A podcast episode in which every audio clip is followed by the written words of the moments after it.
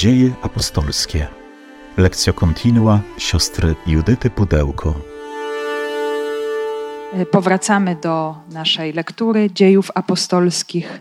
Cały czas pamiętamy o tej ekspresji, o, o tym, co się dzieje po śmierci Szczepana. Kościół zaczyna dynamicznie się rozwijać, przekraczać pewne bariery naturalne związane z obecnością w Jerozolimie. E, I ciągle mm, oglądamy, widzimy, doświadczamy rzeczy nowe, które się dokonują, i dzisiaj również zobaczymy rzecz niezmiernie nową i jeszcze bardziej niezwykłą niż ostatnia. Ale za chwilę sobie y, przypomnimy wszystko po kolei, e, co było ostatnio i jak to wszystko Duch Święty prowadzi.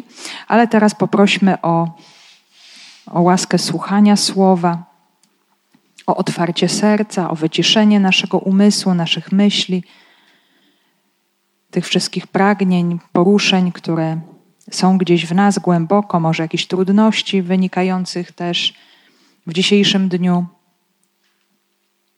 Powierzmy to wszystko w ręce Pana z tym pragnieniem słuchania Jego słowa, życiodajnego słowa, które dzisiaj właśnie spotyka nas y, na drodze do naszego Damaszku. Każdy z nas ma swoje drogi i te nasze drogi też są niezwykłe, zaskakujące, i Pan na tych różnych naszych drogach pragnie nas dzisiaj spotkać. Panie Jezu Chryste, uwielbiamy Cię w Twojej obecności pośród nas, w naszej wspólnocie. Prosimy Cię, udzielaj nam Twojego Ducha Świętego abyśmy mogli z otwartością naszych serc przyjmować Twoje słowo, które nam niesie Twoje życie. Prosimy Cię,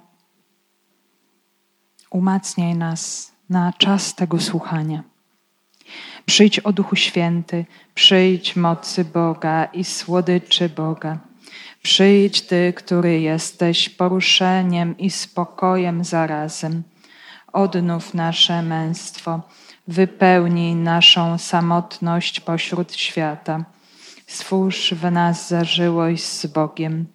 Przyjdź duchu z przebitego boku Chrystusa na krzyżu, zmartwychwstałego. Jesteśmy w kolejnym, większym etapie lektury, kiedy wychodzimy z Jerozolimy i jak już sobie to powtarzamy od jakiegoś czasu, idziemy w kierunku Antiochii Syryjskiej, tam gdzie powstanie prężna wspólnota misyjna, wzbudzająca zapał misyjny i właśnie stamtąd Szaweł z Barnabą wyruszą w pierwszą podróż misyjną. Tak się rozpocznie e, wielka ewangelizacja świata pogańskiego.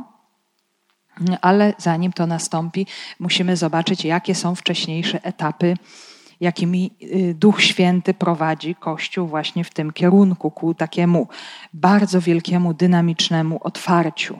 Także możemy sobie ciągle przypominać, jak wyglądał ten świat y, czasów mm, Jezusa i pierwotnego Kościoła, Imperium Rzymskie I wieku, maleńka Palestyna, Jerozolima i stamtąd y, wyruszają misjonarze aż po krańce świata. Y, I to, co już przeczytaliśmy do tej pory, to ewangelizacja Samarii. Jeszcze za chwilę do tego kontekstu powrócimy na krótką chwilę. I dziś zobaczymy, w jaki sposób y, Jezus Chrystus przygotowuje wielkiego ewangelizatora pogan, największego właśnie ze wszystkich apostołów świata pogańskiego, który zaniósł Ewangelię w zupełnie nowe wymiary. No, jest to rzeczywiście no, pomysł Pana bardzo niezwykły, niesamowity, ale jak się później będziemy przekonywać, bardzo, bardzo skuteczny. I później właśnie ta ewangelizacja świata pogańskiego, ona już będzie postępować bardzo szybko Y, i w sposób też bardzo dynamiczny w kolejnych fragmentach będziemy się mogli o tym przekonać. Y, więc ten nasz tekst dotyczący spotkania Szawła z Jezusem zmartwychwstałym też bardzo różnie jest on określany. My klasycznie znamy to w terminologii nawrócenie świętego Pawła, nawet mamy takie święto liturgiczne, e, w kościele je przeżywamy, że święty Paweł się nawraca. Inni natomiast y, uczeni nie zgadzają się z tego rodzaju nazewnictwem, y, no, zwracając uwagę na to, że przecież Szaweł dalej wierzył w tego samego Boga, którego znał. Nie tylko mu się poszerzyły horyzonty. On po prostu zrozumiał, że ten jego Bóg prawdziwy ma syna. Jest Duch Święty. Odkrył tajemnicę trójjedynego Boga. Odkrył zbawienie w Synu Bożym Jezusie Chrystusie. Spotkał Chrystusa. Więc niektórzy mówią nie tyle nawrócenie, ile spotkanie Szawła z Chrystusem pod Damaszkiem, albo powołanie Szawła. Szaweł zostaje powołany, aby stać się misjonarzem, apostołem świata pogańskiego. Więc jakkolwiek by nie było, jakbyśmy to nie nazwali, bo to nazewnictwo jest różne w różnych opracowaniach i u różnych interpretatorów, chodzi na pewno o spotkanie pomiędzy Szawłem, faryzeuszem, młodym faryzeuszem Szawłem, a Jezusem Chrystusem zmartwychwstałym, spotkanie, które jak zobaczymy, będzie bardzo brzemienne w skutki. Bardzo, bardzo niezwykłe. E, więc dziś przyjrzymy się pierwszym wersetom, zobaczymy w jaki sposób prześladowca zostaje zdobyty.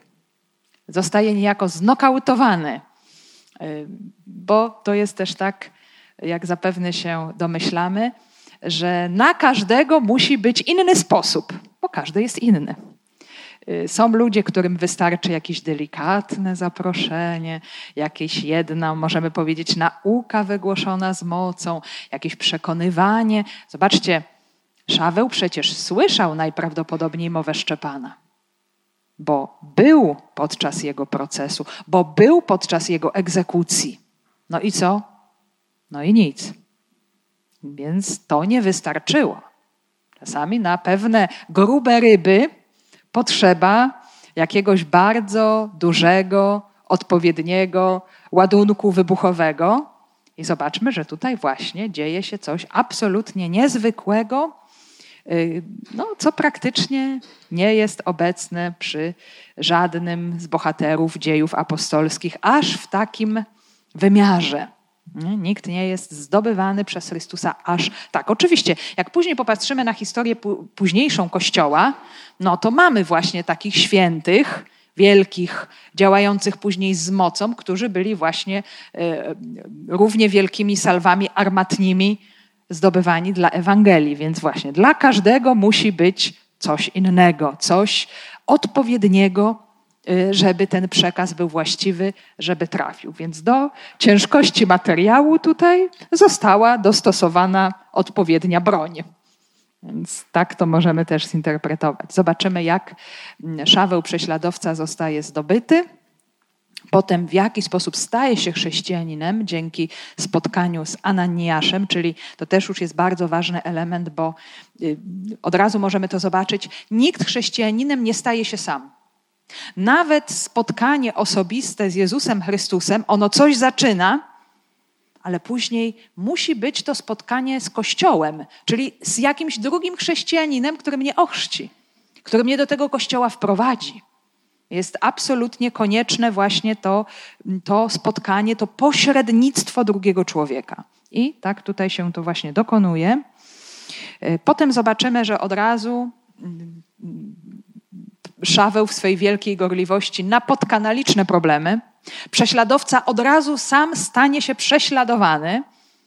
I to możemy powiedzieć na bardzo różne sposoby, bo, y, bo jego koledzy faryzeusze i będą bardzo tutaj na niego nastawać, jak on mógł coś takiego uczynić, będą się mu sprzeciwiać, ale chrześcijanie nie będą mu wierzyli. Szaweł nie będzie wcale mile widziany, tak wszędzie, stuprocentowo. Oni będą się musieli do niego bardzo stopniowo przekonać. Więc niestety ta jego przeszłość będzie dla niego w jakimś sensie też jakimś cierniem, jakimś ościeniem, będzie dla niego dotkliwa. E, on będzie musiał nieść też ten krzyż no tego, że no, chrześcijanie się go bali, nie ufali mu początkowo. Y, no potem zresztą też zobaczymy, kiedy zacznie wprowadzać nowości do kościoła, no to tym bardziej będą ciągłe zgrzyty i problemy, więc to też jest, moi drodzy, bardzo ważne. Zwracajmy na te rzeczy uwagi, że to kształtowanie się tej pierwszej wspólnoty i ta droga Ducha Świętego to nie jest bułka z masłem. Nie jest coś, co, och, pięknie, wspaniale, wszystko rozumiemy, wszystko wiemy, cieszymy się ogromnie, y, tutaj Duch Święty nas prowadzi i nie ma żadnych problemów. Nic bardziej mylnego. To była naprawdę bardzo trudna droga, bardzo bolesna droga. Mm, właśnie, żeby łamać pewne stereotypy, żeby przekraczać pewne granice.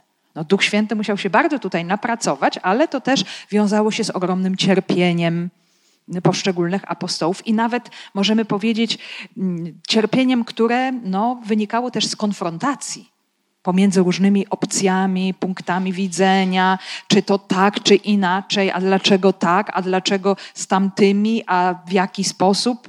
I, i będą musiały być też y, przygotowane różnego rodzaju regulacje, ale to już wszystko później, więc y, będą te problemy, ale zobaczymy, że ten, to nasze opowiadanie o zdobyciu prześladowcy zakończy się właśnie tak, takim podsumowaniem wskazującym na ciągły wzrost i rozwój Kościoła.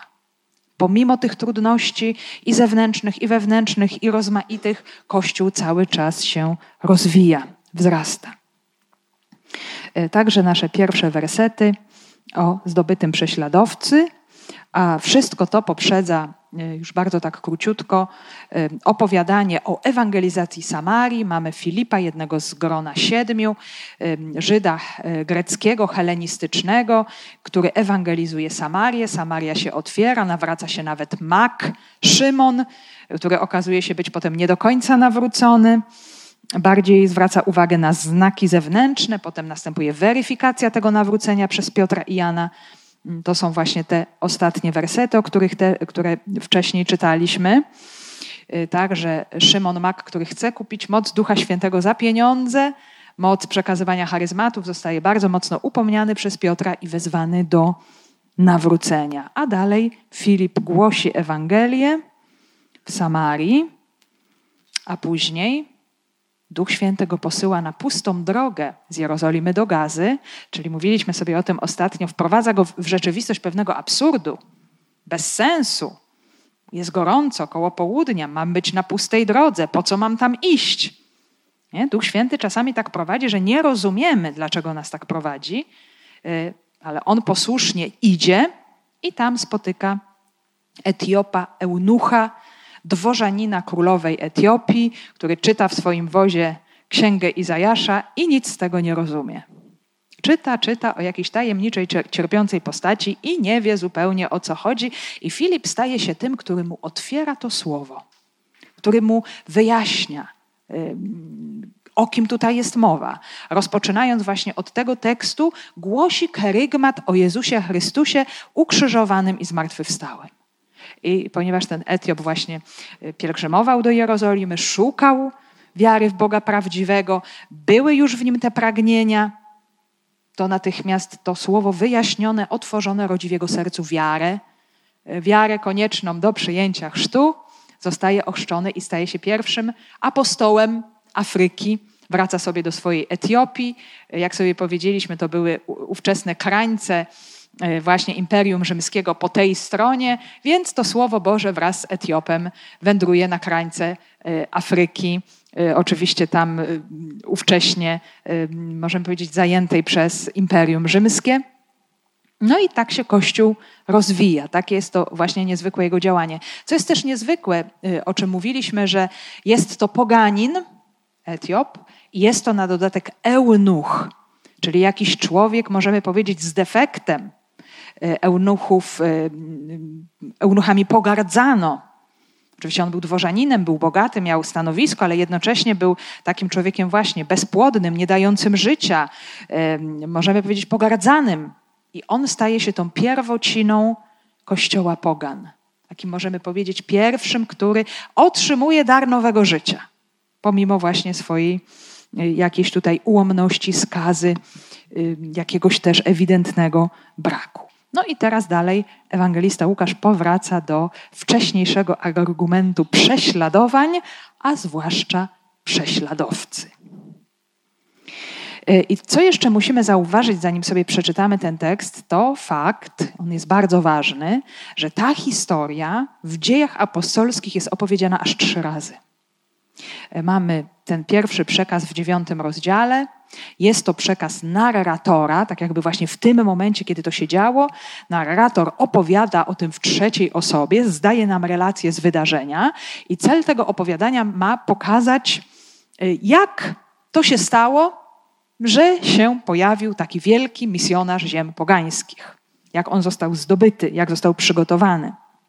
Także jest to też taki naturalny efekt wcześniejszych wzmianek o szawle prześladowcy i jest to związane właśnie z jego działaniami y, zmierzającymi do unicestwienia y, wspólnoty chrześcijańskiej. Kolejne opisy to są relacje samego Pawła, dwie relacje. Pierwsza w 22 rozdziale jest to relacja wobec Żydów, jego rodaków, którzy go pojmali w świątyni jerozolimskiej właśnie z wieloma zarzutami przeciwko niemu, że nie jest prawowiernym Żydem, że właśnie dokonuje jakichś niecnych czynów, wprowadza pogan do świątyni, więc on y, no, taką czyni tutaj mowę właśnie pokazującą całą historię jego życia. Natomiast w 26 rozdziale staje już w drodze do Rzymu, kiedy jest uwięziony, kiedy oddaje się władzy cesarza, staje wobec prefekta rzymskiego i wobec króla Agrypy i też tam taką mowę obronną y, przeprowadza. E, też mamy wzmianki, jeszcze sobie niektóre z nich zobaczymy, kiedy Paweł sam opowiada o tej swojej przeszłości prześladowcy, o tym, że został zdobyty, o tym, że właśnie Bóg mu objawił swojego syna. No więc jest to element niesamowicie ważny, fundamentalny w jego życiu, do którego on sam się odnosi. Więc biorąc to wszystko pod uwagę, widzimy, że mamy tutaj do czynienia z momentem niesamowicie ważnym. Nie tylko dla samego Szawła, ale również dla całej wspólnoty Kościoła, dla całego rozwoju chrześcijaństwa. Dzieje się coś nieprawdopodobnie y, ważnego.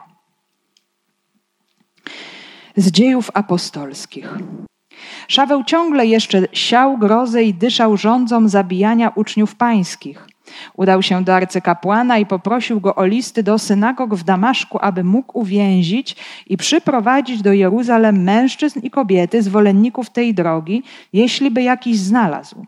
Gdy zbliżał się już w swojej podróży do Damaszku, olśniła go nagle światłość z nieba. A gdy upadł na ziemię, usłyszał głos, który mówił – Szawle, szawle, dlaczego mnie prześladujesz? Kto jesteś, panie? Odpowiedział, a on: Ja jestem Jezus, którego ty prześladujesz. Wstań i wejdź do miasta, tam ci powiedzą, co masz czynić. Ludzie, którzy mu towarzyszyli w drodze, oni mieli ze zdumienia. Słyszeli bowiem głos, lecz nie widzieli nikogo. Szaweł podniósł się z ziemi, a kiedy otworzył oczy, nic nie widział. Zaprowadzili go więc do Damaszku, trzymając za ręce. Przez trzy dni nic nie widział, ani nie jadł, ani nie pił. Szaweł ciągle jeszcze siał grozę i dyszał rządzą zabijania uczniów pańskich. Udał się do arcykapłana i poprosił go o listy do synagog w Damaszku, aby móc uwięzić i przyprowadzić do Jeruzalem mężczyzn i kobiety, zwolenników tej drogi, jeśli by jakiś znalazł. Mamy tu bardzo dużo informacji początkowych. Y, przypominamy sobie właśnie też o tym prześladowaniu Kościoła Jerozolimskiego, które wybucha po zabiciu Szczepana. Jak pamiętamy, to, co Szczepan powiedział w szczerości swego wyznania wobec Sanhedrynu, wobec uczonych w piśmie, faryzeuszów, zarzucając im potworną zatwardziałość, zamknięcie się na Ducha Świętego, opór, twardość, to jeszcze bardziej właśnie rozjuszyło oponentów Szczepana. Także nie tylko Szczepan został zabity, ale również rozpoczęły się prześladowania. I teraz, w tym momencie, będziemy mogli oglądać efekt śmierci Szczepana. Bo Szaweł też w tym bezpośrednio uczestniczył był właśnie, zaraz zresztą jeszcze sobie o tym powiemy, świadkiem jego śmierci, był przy jego śmierci i jak pamiętamy, Szczepan y, umierając wybaczył swoim prześladowcom. Panie, nie poczytaj im tego grzechu. Przebacza im właśnie w momencie odejścia, czyni to samo, co uczynił Jezus na krzyżu. I tutaj w tym momencie dzisiaj my możemy zobaczyć efekt tej właśnie postawy, tej miłości y, nieprzyjaciół, którą wzbudza w chrześcijaninie Duch Święty i do czego to dalej prowadzi. Jak sytuacja diametralnie się y, zmienia. Tak, nawet już późniejsi interpretatorzy właśnie, y, czy ojcowie Kościoła zwracali na to uwagę, że mm, właśnie, że Szaweł zostaje też zdobyty niewątpliwie dzięki modlitwie Szczepana który modli się za swoich prześladowców i który na pewno już dalej, będąc w Królestwie Niebieskim z Jezusem Chrystusem, którego chwałę już ogląda w momencie śmierci, wstawia się właśnie za tych prześladowców. W nim się niejako dokonuje, wypełnia do końca ten ideał chrześcijanina oddającego życie za wroga. Nie? Staje się takim żywym Chrystusem, żywym obrazem y, Chrystusa. Natomiast po śmierci Szczepana, jak widzimy, Szaweł nie odczuwa żadnej skruchy, wręcz przeciwnie, jest jeszcze bardziej rozjuszony, pobudzony do działania, żeby właśnie wyniszczyć tych wszystkich, którzy przynależą do uczniów Jezusa, aby ich porywać, żeby wtrącać do więzienia, żeby właśnie wskazywać na ich e, bunt, E, na ich niesubordynację, e, możemy powiedzieć jakieś niewłaściwe rozumienie wiary, no i żeby też właśnie nawet e, iść w kierunku zabijania, unicestwiania właśnie tych, którzy przez Szawła byli uważani za bluźnierców. Y, także jest, możemy powiedzieć, tutaj mm, też całe to działanie Szawła ma bardzo głęboką podbudowę religijną i my wiemy, że to jest najgorszego rodzaju fanatyzm, który ma podbudowę religijną, bo on jest bardzo głęboko zakorzeniony, y, ma ogromną żarliwość w sobie. No i również w samej Biblii my mamy takie przykłady, że taka gorliwość, czy nawet właśnie walka z grzechem, zwłaszcza walka właśnie z bałwochwalstwem, no, prowadziła niektórych bohaterów do unicestwiania tych, którzy grzeszyli. I mamy tutaj przykład chociażby Pinhasa, kapłana Pinhasa, który widząc właśnie kult bałwochwalczy w Baal Peor, to jest Księga Liczb, rozdział 25, zabija takiego właśnie bałwochwalcę. Czy prorok Eliasz, pamiętamy jak nakazuje ściąć proroków Baala po tej niezwykłej, spektakularnej ofierze na górze Karmel. Czy w końcu Matatiasz, to są czasy machabejskie, widząc również bałwochwalstwo jakiegoś Żyda, również go zabija w momencie, kiedy on składa e, ofiarę bożkom i potem, jak pamiętamy, wznieca powstanie e, machabejskie przeciwko helenizacji, przeciwko Seleucydom. Więc mamy tego rodzaju sytuacje, że ludzie właśnie pchnięci taką gorliwością, widząc, Y, w innych zło niszczące, to też musimy właściwie rozumieć, że w tamtych czasach i w tamtej mentalności nie oddzielano grzechu i grzesznika. Tak jak teraz y, to tłumaczył święty Augustyn w kościele, y, odrzucaj grzech, nienawidź grzechu, nazywaj grzech po imieniu, nazywaj zło po imieniu, bo to jest największe nieszczęście człowieka, ale kochaj grzesznika. E, oczywiście zapraszając go do nawrócenia i to ma wtedy sens nie niż człowieka. Natomiast w tamtych czasach to było połączone. Ten, który czyni zło, jest złem, i żeby e, usunąć zło ze wspólnoty, spośród ludu, no trzeba było usunąć bardzo skutecznie tego, który to zło czynił. I tutaj mamy właśnie też odzwierciedlenie tego rodzaju e, mentalności. E, I sam Paweł później wielokrotnie przyznaje się do właśnie takiej postawy, Y, tak jak tutaj Łukasz opowiada o szawle właśnie w dziejach apostolskich, o, tej, y, o tym dyszeniu, tą rządzą, czyli on jest cały wypełniony tą straszliwą agresją w kierunku chrześcijan.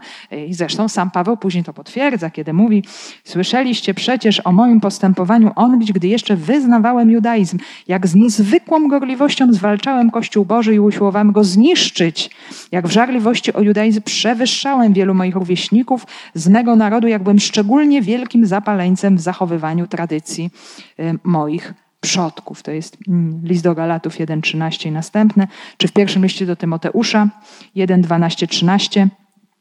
Dzięki składam temu, który mnie przyoblekł mocą, Chrystusowi Jezusowi naszemu Panu, że uznał mnie za godnego wiary, skoro przeznaczył do posługi mnie. On giś bluźniercę, prześladowcę i oszczercę. Dostąpiłem jednak miłosierdzia, ponieważ działałem z nieświadomością w niewierze. Czy w liście do Filipian e, Paweł siebie określa w stosunku do prawa faryzeusz co do gorliwości prześladowca Kościoła. Mm, bardzo ogromna pokora, ogromna szczerość. Zresztą wszyscy o tym wiedzieli, kim był Szaweł. Nie musiał niczego ukrywać. Zobaczmy właśnie y, też, to jest bardzo ciekawa rzecz, na kim Jezus Chrystus mocą Ducha Świętego buduje swój Kościół, na jakich fundamentach. Jest Piotr, który się zaparł, który dopuścił się najcięższego grzechu, a potem drugi prześladowca, no wręcz morderca. No, człowiek okrutny, z wielką zapalczywością. To nie był człowiek, który no tak nie miał w sercu swoim sympatii, czy trochę był niemiły dla kogoś, nie? To był po prostu człowiek zawzięty, zapalczywy, y, którego się bano, przed którym się ukrywano, który czynił wiele zła. I, i zobaczmy właśnie, co się z tym y, człowiekiem za chwilę stanie. E, a zanim się coś stanie, to jeszcze dowiadujemy się, że Szaweł próbuje poszerzyć pole swojej działalności. Prosi o listy uwierzytelniające do synagog w Damaszku. Tam chce szukać chrześcijan. E, I to polegało na tym, że arcykapłan świątyni jerozolimskiej miał jurysdykcję nad wszystkimi Żydami w całym Imperium Rzymskim. Więc mógł e, po prostu wydać nakaz właśnie wydania poddania karze, czy konieczności osądzenia kogoś właśnie na tej płaszczyźnie religijnej, y, kto, kogoś, kto się zachowywał w niewłaściwy sposób. To też nam wskazuje na wysoki autorytet Szawła, że jest on człowiekiem dla arcykapłana wiarygodnym, że jest on kimś, pomimo że jest młodzieńcem, być może miał w tym czasie około 20 lat, może trochę więcej, może trochę mniej, więc jest kimś bardzo młodym, żarliwym, no i właśnie arcykapłan widzi w szawle tutaj wielką ostoję czystości wiary i tego rodzaju listy mu przekazuje. Y, to też jest ważne, że tutaj na tym etapie chrześcijanie jeszcze stanowią część judaizmu.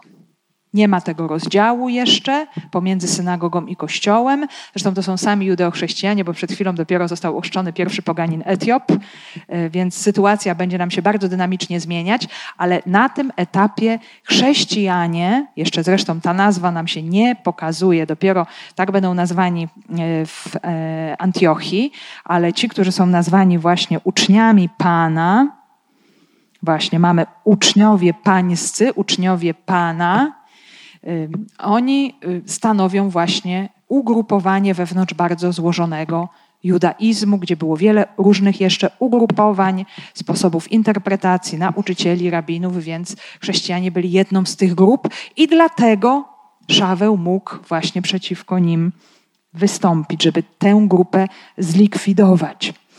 Y, właśnie oni są nazwani uczniami Pana, uczniami pańskimi, chrześcijanami, jak powiedziałam, dopiero będą nazwani w Antiochii. Y, chrześcijanie to tak niekoniecznie, jak to z Polska brzmi, od chrztu, bo to raczej od namaszczenia, od namaszczonego, bo Chrystus to jest namaszczony, pomazaniec, czyli ci, którzy są również namaszczeni w jaki sposób? Namaszczeni Duchem Świętym, dzięki właśnie temu pomazańcowi. Natomiast tutaj jeszcze oprócz tego, że słyszymy, że są uczniami pańskimi, mamy jeszcze kolejne określenie, bardzo ciekawe. Tak to jest tu przetłumaczone zwolennicy tej drogi, ale dosłownie tekst grecki nam mówi będący na tej drodze. Co to znaczy zwolennicy, czy będący na tej drodze, co to znaczy droga? To znaczy pewien sposób życia pewien sposób postępowania, pewien styl życia, czy naśladowcy Jezusa, idący za nim, czyli też e, będący w pewnym dynamizmie właśnie tej formacji, tego upadabniania się do Jezusa i naśladowania go. No i Szaweł e, udaje się właśnie do Damaszku, bardzo wspaniałego, starożytnego miasta, które e, leży 240 kilometrów na północ od Jerozolimy na szlaku handlowym Via Maris, właśnie biegnie z Egiptu wzdłuż Morza Śródziemnego i później nam wcina się bardziej w głąb lądu, przechodzi przez Galileę, obok jeziora galilejskiego i dalej na północ. I mamy właśnie to miasto, które leży w Syrii, niedaleko właśnie też granicy z Libanem. Y, bardzo piękne zresztą miasto, według y, wielu interpretatorów już od starożytności, nawodnione obfitymi wodami. Pamiętamy, że o tych rzekach Damaszku wspominał również Syryjczyk Naaman, który miał się siedem razy zanurzyć w Jordanie. Jordan bez porównania y, mniejsza, wątła, niepozorna rzeczka w porównaniu do wspaniałych rzek Amana i Parpar. Mm, I te rzeki sprawiały, że Prawdopodobnie ten Damaszek był przepiękny, był rajem, był jednym wielkim, wspaniałym ogrodem. Także Szawał ma na celu wyszukać chrześcijan w Damaszku, w żydowskiej wspólnocie diaspory, potem ich przyprowadzić do Jerozolimy i poddać pod sąd i najlepiej jeszcze właśnie stracić, czyli po prostu znów dokonać linczu podobnego, jaki miał miejsce w przypadku Szczepana. Także tak się przypuszcza, że to były lata 30., że mówią 34, 36 rok mniej więcej, e, o ile jesteśmy w stanie to policzyć, jeżeli przyjmiemy do wiadomości, że Jezus umiera w, i zmartwychwstaje w roku 30 na przykład. Ale, ale są tutaj, jeżeli to byłoby późniejsze, to troszeczkę przesunięte, byłoby to dalej, ale są to na pewno wczesne lata 30. No i co się dzieje dalej? Gdy zbliżał się już w swojej podróży do Damaszku, olśniła go nagle światłość z nieba, a gdy upadł na ziemię, usłyszał głos, który mówił: Szawle, szawle, dlaczego mnie prześladujesz?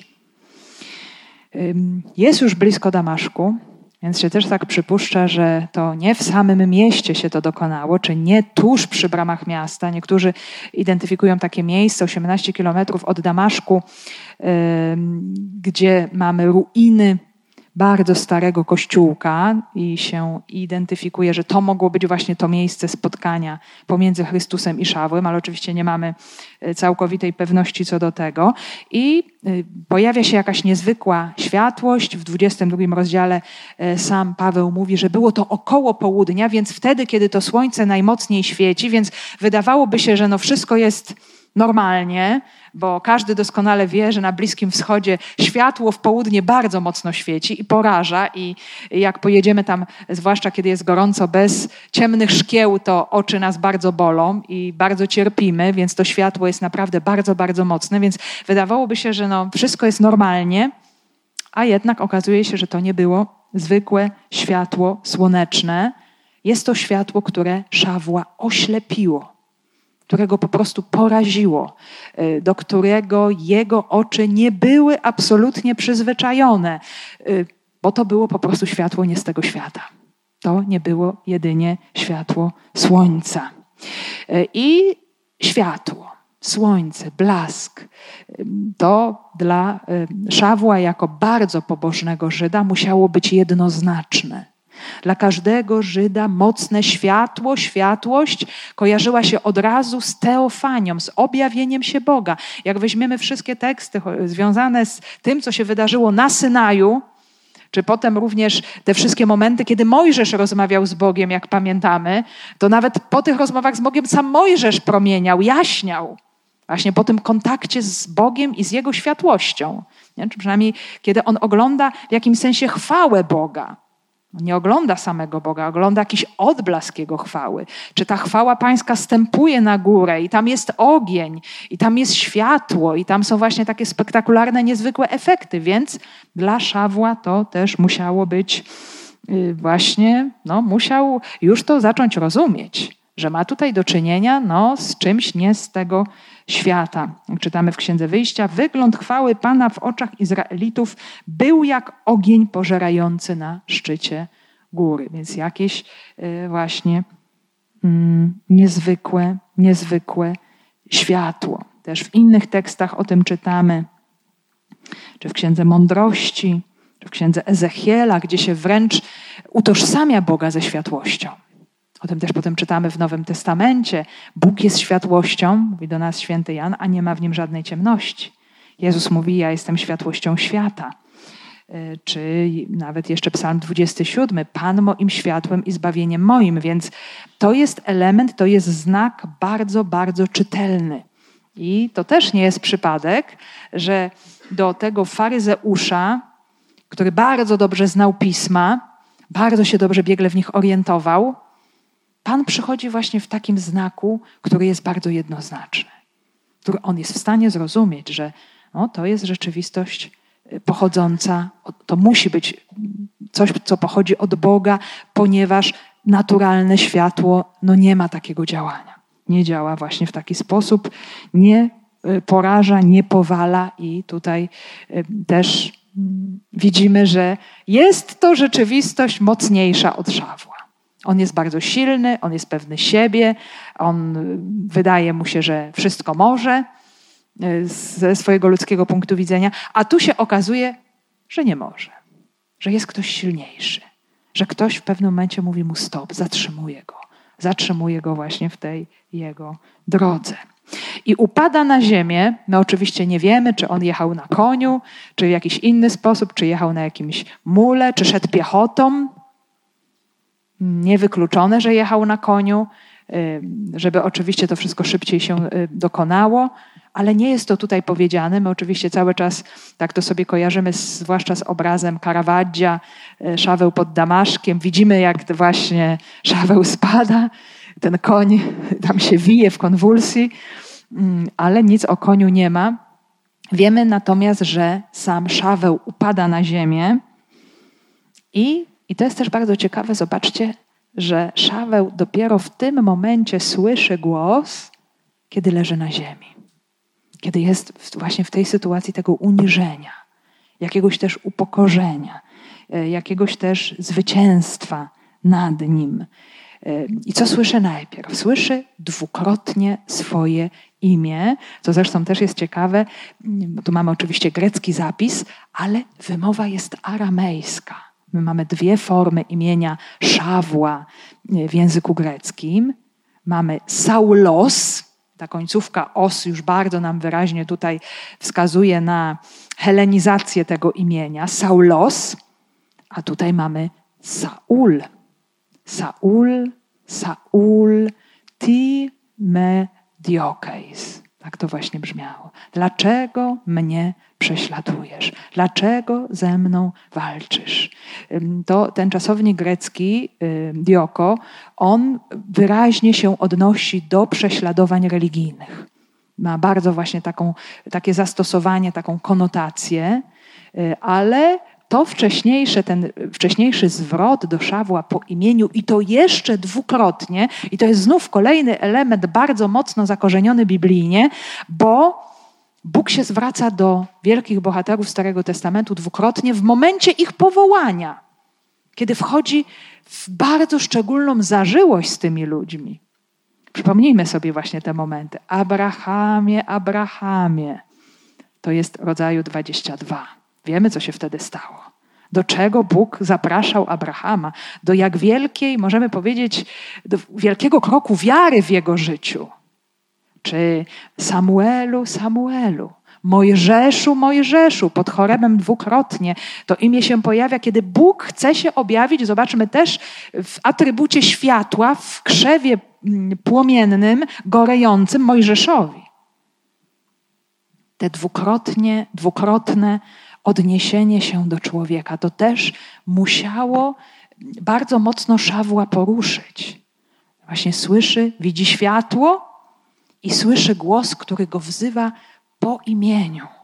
Jest to właśnie ten moment powołania, zaproszenia do czegoś szczególnego, zaproszenia do nawiązania bardzo szczególnej relacji, no, ale tutaj pojawiają się też bardzo mocne słowa, bardzo ogromny wyrzut. Dlaczego mnie prześladujesz? Właśnie to pytanie, które musiało Szawła przeszyć do głębokości, dotknąć jego serce. E, zobaczmy, jak, e, jaki Chrystus jest radykalny e, w swoim postępowaniu z człowiekiem, jaki jest szczery, jak nazywa po imieniu rzeczywistość, która się dzieje. Nie owija w bawełnę, nie szuka wymyślnych słów. No wiesz, tak, tego, twoje to postępowanie, tak, nie za bardzo, może mógłbyś coś z tym zrobić. On mówi wprost, sposób bardzo mocny. Ty mnie prześladujesz. No i to musiało Szawła niesamowicie właśnie uderzyć, poruszyć, yy, jako zdobyć, przezwyciężyć. Ale właśnie, żeby móc usłyszeć ten głos i móc usłyszeć tę prawdę, to jest też bardzo ważne. Szaweł wchodzi w tę rzeczywistość uniżenia, kiedy dotyka prochu ziemi, kiedy nie czuje się już mocny, silny, zwycięski, e, mający siłę oręża, mający siłę perswazji i listów polecających, pewną władzę. Teraz jest po prostu słabym człowiekiem, który dotyka prochu ziemi, któremu przypomina, kim jest, z czego został wzięty jest zależny od tego głosu, od tej osoby i, no i się też tej osobie poddaje, pytając właśnie, kim jesteś. Jest właśnie piękny dialog pomiędzy Jezusem i Szawłem. Jezus się przedstawia. Ja jestem Jezus, którego ty prześladujesz, czyli czego doświadcza w pierwszym rzędzie Szaweł? On żyje.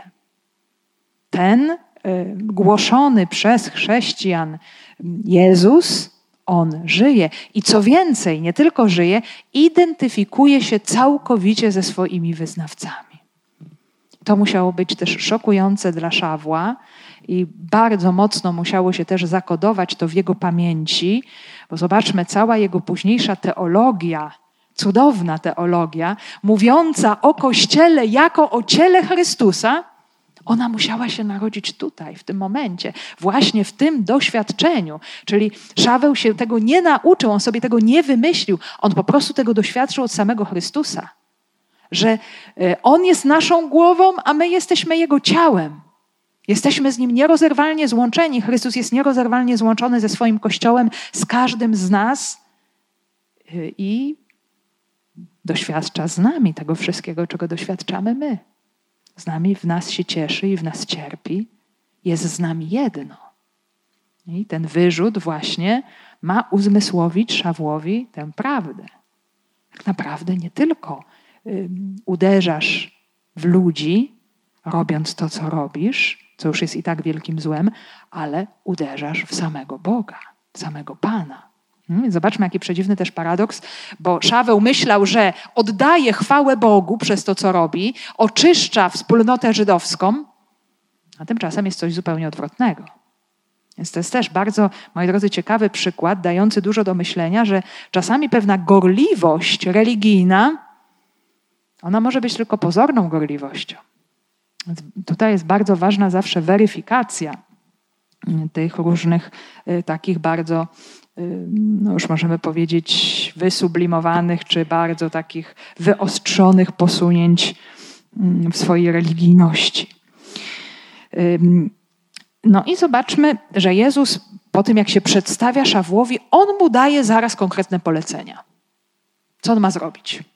Czyli co nam to pokazuje, że od tej pory, mój drogi Szawle, nie będziesz sobie robił to, co ci się podoba, tylko co będziesz robił? Będziesz robił to, co ja ci powiem. Teraz, moi, dro drogi, zmieniamy układ, zmieniamy zasady. Teraz to ja zacznę kierować Twoim życiem, więc jak na razie wstań, idź do miasta, a tam się wszystkiego dowiesz. No też jest bardzo ciekawe, zobaczmy. Jezus mu nie daje od razu instrukcji. Nawet jeżeli chce bardzo mocno in, zaingerować już na wieki, być obecnym w życiu Szawła, chce tym Szawłem, pro, chce go prowadzić, chce kierować jego życiem, chce go przemienić, to jednak Szaweł nie wie wszystkiego od razu. Nie wie, co się stanie w Damaszku. Nie wie, gdzie się zatrzyma. Nie wie, co będzie dalej. Więc jest to wejście w taką, możemy powiedzieć, bardzo no, niezwykłą grę być tak prowadzonym za rękę powoli, stopniowo, w ciemności, w niepewności, nasłuchując, mm, do czego Pan mnie zaprasza, nie wiedząc wszystkiego od razu, i właśnie dzięki temu ucząc się zaufania, ucząc się też czekania na kolejny znak, na kolejny, na kolejny właśnie mm, gest ze strony Pana ma czekać na kolejne polecenia. Tam ci powiedzą, co masz czynić. Ja ci teraz nic więcej nie powiem. Więc taki moment też niezwykle trudny. Także Szaweł nie przeżywa tego sam, są również i inni. Ludzie, którzy mu towarzyszyli w drodze, oni mieli ze zdumienia. Słyszeli bowiem głos, lecz nie widzieli nikogo.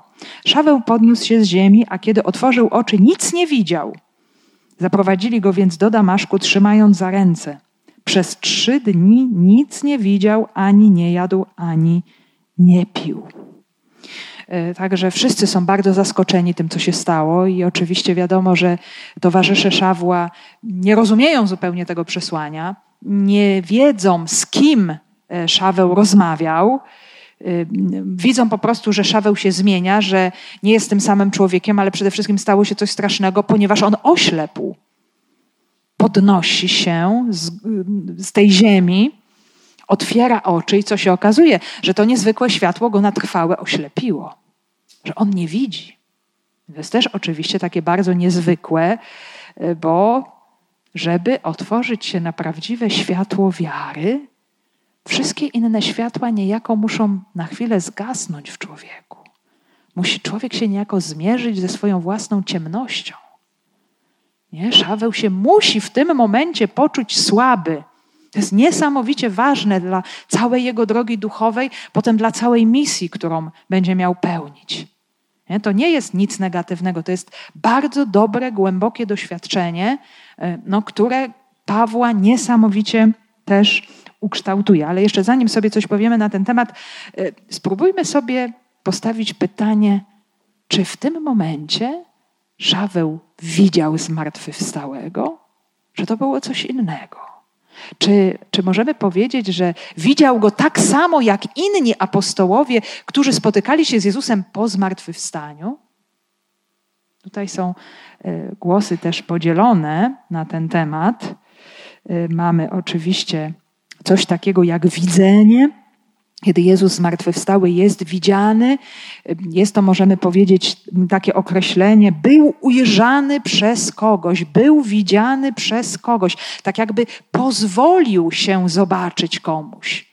Zobaczmy, to nie jest taka rzecz automatyczna. Jezus zmartwychwstały jest obecny, żyje y, o wiele, możemy powiedzieć, realniej niż my, bo żyje tym życiem, które nie ma końca, życiem wiecznym, niezniszczalnym a jednak nie jest przez wszystkich ludzi widziany i dostrzegany oczyma. On był widziany, był ujrzany właśnie przez niektórych. I, I, możemy sobie zadać pytanie, czy w tym momencie pod Damaszkiem Szaweł też go widział? Co to znaczy widzieć Chrystusa zmartwychwstałego? Czy chodzi tutaj o y, ujrzenie postaci Jezusa Chrystusa w jego człowieczeństwie uwielbionym, tak jak niektórzy ludzie czy apostołowie, ale też wiemy doskonale, że niektórzy święci mieli taką łaskę, że oglądali Chrystusa uwielbionego. Czy to chodzi o to, w ujrzeniu, w widzeniu Chrystusa zmartwychwstałego? Chyba też nie do końca, ponieważ zobaczyć Chrystusa, tak jak nam to przekazują właśnie elementy, różne teksty z, z Pisma Świętego, oznacza, oznacza to, że to spotkanie całkowicie zmienia życie człowieka. Wtedy mamy pewność, że człowiek widział, czyli doświadczył, czyli wszedł w życiodajne spotkanie z Jezusem Chrystusem. Można widzieć, można oglądać, nawet zewnętrznie. Przecież zobaczmy, ile ludzi widziało Jezusa w ciele, oczywiście jeszcze przed zmartwychwstaniem, ale tak naprawdę go nie widziało ale tak naprawdę go nie spotkało, bo to nie miało najmniejszego wpływu na ich życie. Natomiast w przypadku Szawła my mamy radykalną zmianę. Widziałem Jezusa i to totalnie zmieniło moje życie, które od tego momentu stało się zupełnie inne, nowe, skoncentrowane na nim. Po prostu Szaweł nie mógł zapomnieć tego doświadczenia, tego spotkania, tej żywej osoby, tak niezwykłej, tak porażającej, tak cudownej, tak przekraczającej jego samego i wszystko, co poznał do tej pory, że mu się po prostu świat przewrócił do góry nogami. Że już nie potrafił żyć tak jak wcześniej. I to jest właśnie spotkanie z Jezusem Chrystusem zmartwychwstałym, że człowiek już nie potrafi żyć tak jak wcześniej, że wszystko mu się przewraca zupełnie, zmienia. To jest tak mocne doświadczenie. I Szaweł będzie ciągle też do tego wracał. Kiedy powie w pierwszym do Koryntian, czyż nie widziałem Jezusa Pana naszego? Tutaj znowuż mamy bardzo ciekawą formę perfektum greckiego. Co to znaczy? Widziałem i skutki tego trwają nadal w moim życiu. Tak jakby widziałem i widzę go. On jest obecny w moim życiu. To moje życie się zmieniło. I, I, zobaczmy, jak popatrzymy na różne spektakularne nawrócenia wielkich grzeszników w historii świata i nawet czasów współczesnych, zobaczmy, czyż tak nie jest. Są ludzie, którzy no, y, odbili się z potwornego dna w doświadczeniu, w spotkaniu z Jezusem. I to jest właśnie to widzenie Jezusa Chrystusa. Nie tyle oczyma, ile, ile możemy powiedzieć, wejście w to doświadczenie bardzo głęboko duchowe. My oczywiście też możemy mówić o innych formach widzenia, bo kilkakrotnie w dziejach apostolskich Paweł już później jako apostoł ma różnego rodzaju widzenia. Po raz pierwszy już w Damaszku ma widzenie Ananiasza, że Ananiasz do niego przyjdzie i coś właśnie uczyni wobec niego, przekaże mu Ducha Świętego. Także nawet otrzymuje taką formę, takie proroctwo w widzeniu. Będziemy sobie następnym razem o tym mówić. Y, Paweł ma widzenie Macedończyka, który zaprasza go do ewangelizacji Macedonii we śnie. Tak samo w nocy Pan przemówił do Pawła w więzieniu: przestań się lękać. I właśnie już mamy te kolejne momenty, kiedy Paweł ma różnego rodzaju widzenia, ma zachwycenie w świątyni jerozolimskiej. W kolejnym etapie dziejów następnej nocy ukazał mu się Pan odwagi, powiedział: Trzeba bowiem, abyś i w Rzymie zaświadczył o mnie. I mm, jeszcze na samym końcu ma widzenie anioła. Więc Szaweł, a później Paweł ma częste widzenia duchowe, mm, czyli jest potem też w tym kontakcie duchowym y, i ma tę wrażliwość na pewne przekazywanie informacji, na ten przekaz duchowy, który do niego dociera. Ale musimy powiedzieć, że to, co się dokonało tutaj pod Damaszkiem, jest takim punktem zwrotnym, całkowicie fundamentalnym, który mm, zmienił życie Szawła. No i zewnętrznym skutkiem jest ślepota. Y, I ta ślepota jest po to, właśnie jak sobie powiedzieliśmy, żeby przestać widzieć, żeby zacząć widzieć w sposób nowy. Do tego też się odnosi cała cudowna, zobaczcie, teologia wczesno chrześcijańska, teologia chrztu jako oświecenia, jako otwarcia oczu, bo wiara to jest duchowy wzrok, kiedy człowiek zaczyna wszystko widzieć zupełnie inaczej. Zaczyna zupełnie inaczej patrzeć na siebie, na swoje życie, na wydarzenia, e, zaczyna patrzeć na wszystko z punktu widzenia Bożego planu. I żeby to się stało możliwe w życiu Szawła, on musi oślepnąć. Że tak jakby musi stracić to swoje dawne spojrzenie na świat, e, tą koncentrację na sobie, na swoich osiągnięciach, na tym, kim jest, i w ogóle też musi stracić to e, swoje dotychczasowe widzenie Boga jak on tego Boga postrzegał, jak go rozumiał. Wszystko, wszystko się zmienia. Całe spojrzenie na świat Szawła się zmieni, musi widzieć w sposób nowy, ale też, y, tak jak sobie powiedzieliśmy, chodzi też o to, że wszystkie Y, rzeczy, którymi Szaweł się do tej pory zachwycał, dla których żył, którym służył, cała jego religijność, całe jego rozumienie prawa, zachwyt wobec prawa, konieczność y, wierności prawu, te wszystkie jego ideały, też możemy powiedzieć, że one zgasły w jakiś sposób. Że to przestało być dla niego ważne w tym momencie. Więc Tutaj mamy sporo takich elementów, które nam pokazują, czym jest, jak się objawia takie bardzo mocne, radykalne nawrócenie, e, zmiana sposobu życia, która wynika ze spotkania Jezusa zmartwychwstałego. No i Szaweł też staje się zależny od innych. Nie może nawet sam wejść do Damaszku. Jest prowadzony za ręce, jest po prostu bezbronny, jest słaby, jest bezsilny. Nie? Żeby otrzymać moc Ducha Świętego, żeby otrzymać E, właśnie ten, to nowe życie, jest bardzo potrzebne to doświadczenie własnej bezsilności. że ja nie potrafię, że ja nie daję rady. Dlatego ja potrzebuję, żeby ktoś mi dał życie, bo ja go sobie sama nie dam. I sama nie jestem w stanie się zbawić, ocalić, e, przywrócić sobie wzroku. I tam następują trzy dni. One są bardzo znamienne. Trzy dni przeżyte w ciemności i w poście.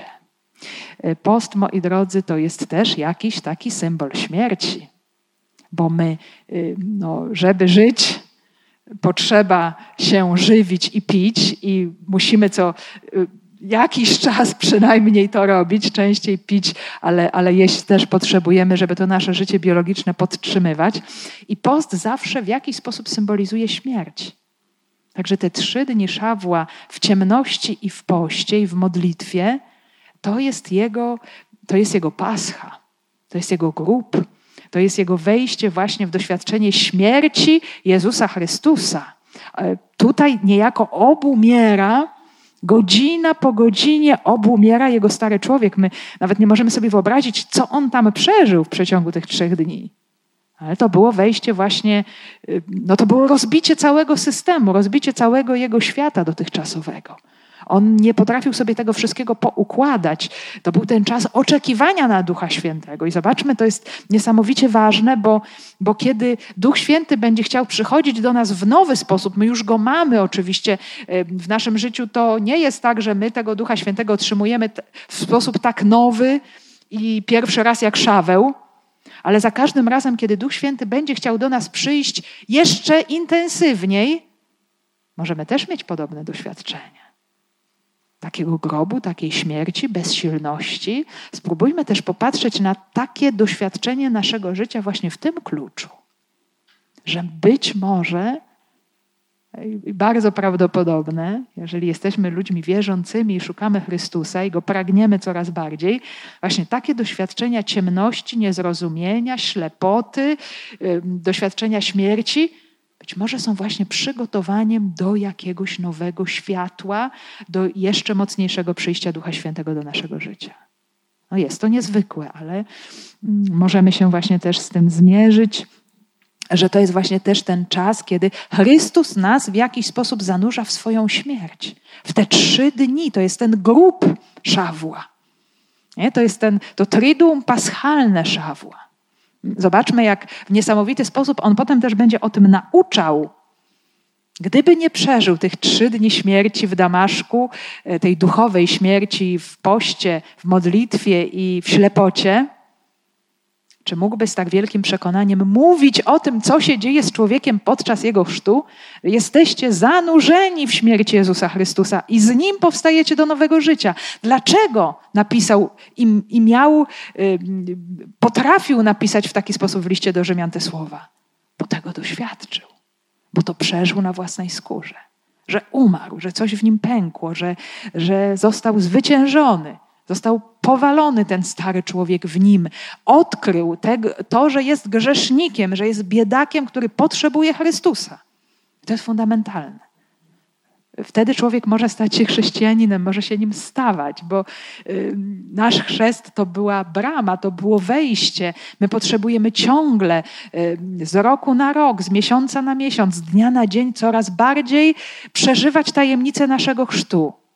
Zanurzać się w mocy Chrystusa, wyrzekać się tego, czym jest właśnie ta pycha, to, to zatrzymanie się na sobie jako bohaterze, y, tym, kto, który wymyśla, prowadzi, kreuje swoją historię.